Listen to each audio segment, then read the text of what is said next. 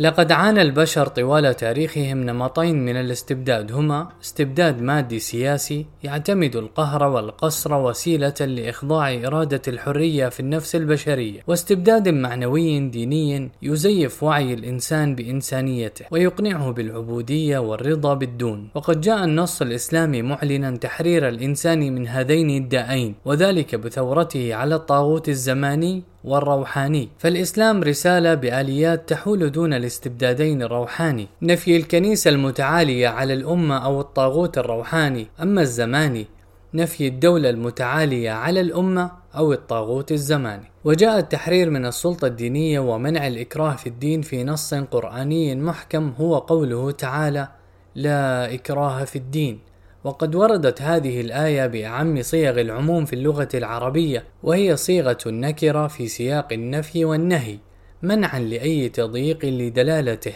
أو التفاف على معناه الكلي. فهو نص عام في حرية الاعتقاد ابتداء واستمرارا وانتهاء. وربما لا توجد نصوص في أي كتب دينية أبلغ في حرية الدين من بعض آيات الجهاد في القرآن الكريم. فحين سن القرآن الكريم للمسلمين القتال بداية المرحلة المدنية من العهد النبوي كانت حرية الدين من أهم غايات الجهاد ومسوغاته تحقيقا لحرية العبادة للجميع دون قهر أو إكراه ليكون الدين لله خالص. ولولا دفع الله الناس بعضهم ببعض. لهدمت صوامع وبيع وصلوات ومساجد يذكر فيها اسم الله كثيرا. ثم جعل القرآن الإكراه في الدين فتنة توجب على المسلمين القتال ضدها. حتى يرتفع الحرج عن ضمائر البشر فيعبدوا ربهم دون قهر أو جبر. يقول تعالى في سورة البقرة وقاتلوهم حتى لا تكون فتنة ويكون الدين لله.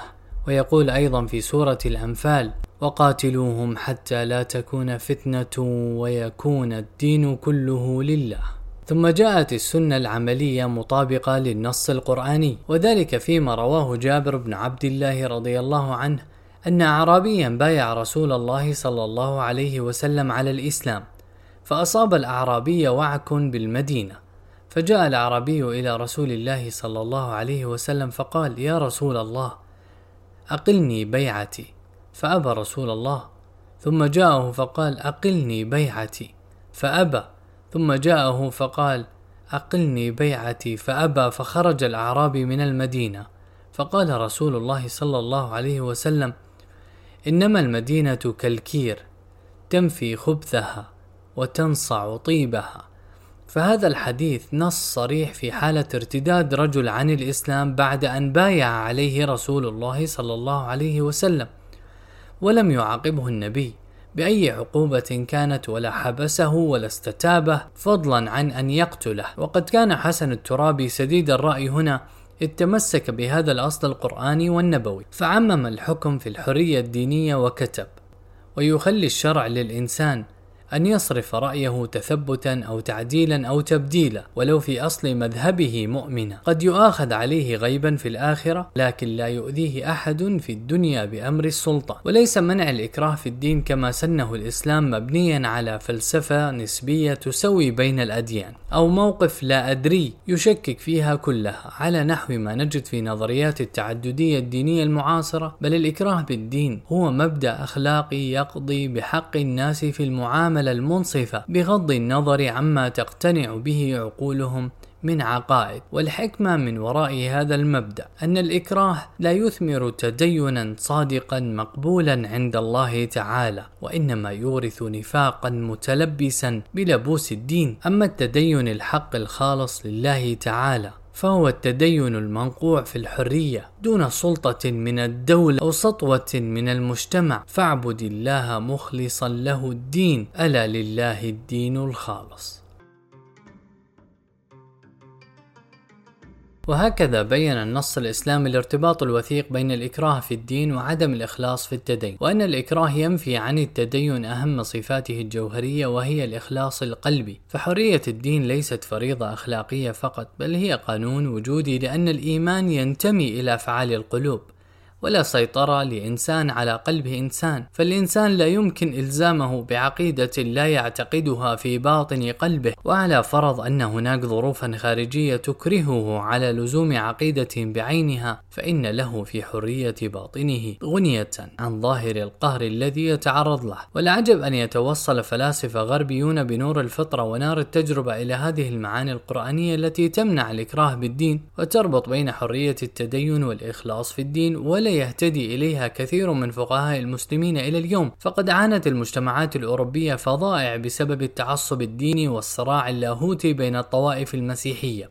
ولاحظ الفيلسوف الفرنسي فولتير أنه من كل آية متنازع عليها في الكتاب المقدس. انبجس عنف مسلح بالسفسطة والخناجر أطلق العنان للجنون والقسوة بين البشر. وأوضح فولتير أنه لمن منتهى الحمق أن يدعي مدع أنه قادر على حمل البشر قاطبة على التفكير بطريقة واحدة في شؤون الميتافيزيقية فتطويع الكون برمته بقوة السلاح أسهل بما لا يقاس من تطويع العقول في مدينة واحدة كما توصل جون لوك إلى تقرير غابت عن بال المتعصبين في كل عصر وهي أن ليست النار والسيف أداتين لإقناع البشر بأنهم على خطأ. لذلك لم يرد قط عن النبي صلى الله عليه وسلم أنه قتل شخصا بتهمة الردة.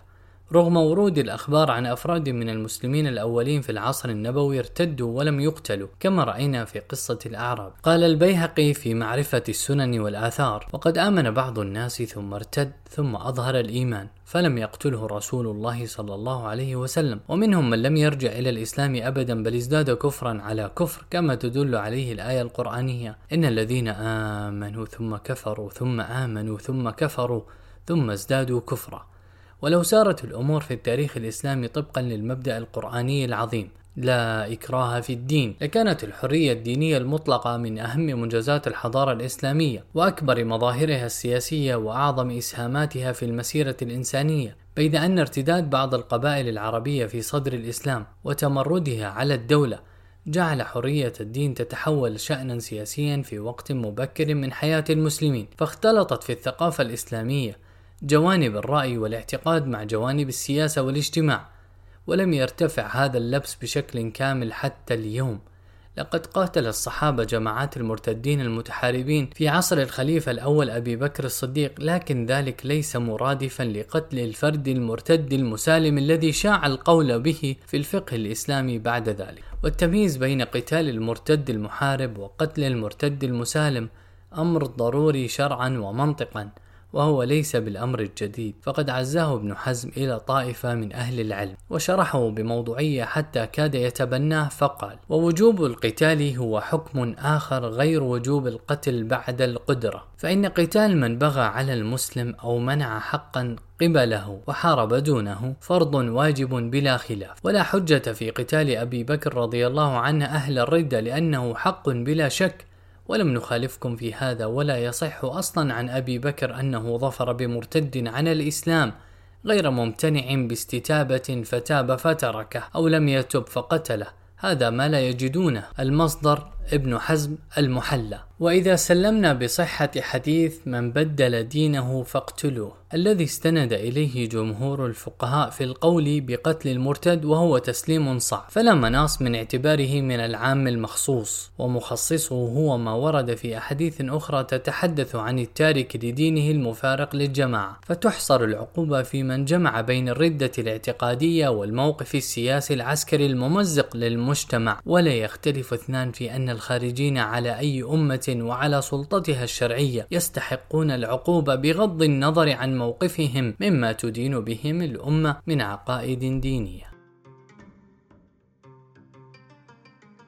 لقد اختلطت في الفقه الإسلامي في عصر مبكر مسألة من طبيعتين مختلفتين تماما وهما قتال المرتد المحارب وقتل المرتد المسال. لكن فقهاء المذهب الحنفي منعوا قتل المرأة بالردة لأنها غير مقاتلة قال الفقيه الحنفي الكاساني. والقتل ليس من لوازم الردة عندنا فإن المرتد لا تقتل بلا خلاف بين أصحابنا. وقد احتج الفقيه الأزهري المعاصر عبد المتعالي الصعيدي بهذا المنحى في الفقه الحنفي على من قتل المرتد المسالم وهو احتجاج حسن.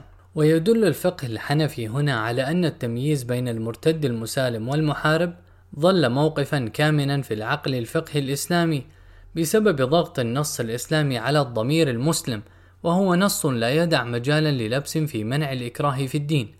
ورغم أن ثقافة الإكراه الشائعة في عصر الإمبراطوريات طمرت على ذلك النص فإنها لم تستطيع إخفاءه تماما. وربما تعود جذور حد الردة في الفقه الإسلامي إلى تأثير المواريث الإمبراطورية الفارسية التي سنتحدث عنها لاحقا. ونكتفي هنا بالإشارة إلى ما ورد في أقدم نص سياسي فارسي اطلع عليه المسلمون وهو كتاب تنسر فقد قسم تنسر الجرائم التي كان يعاقب عليها القانون أيام الملك أردشير مؤسس الدولة الساسانية ثلاثة أصناف جرائم في حق الله وهي الردة والبدعة في الدين وأخرى في حق الملك وثالثة بين الناس. أما من يرتد وهنا أقتبس أما من يرتد عن الدين ويحدث البدع في الشريعة فكانت عقوبته قبل أردشير هي القتل مباشرة. لكن أردشير خففها فسن الاستتابة قبل القتل عقوبة للردة عن الدين. فأمر أردشير الحاكم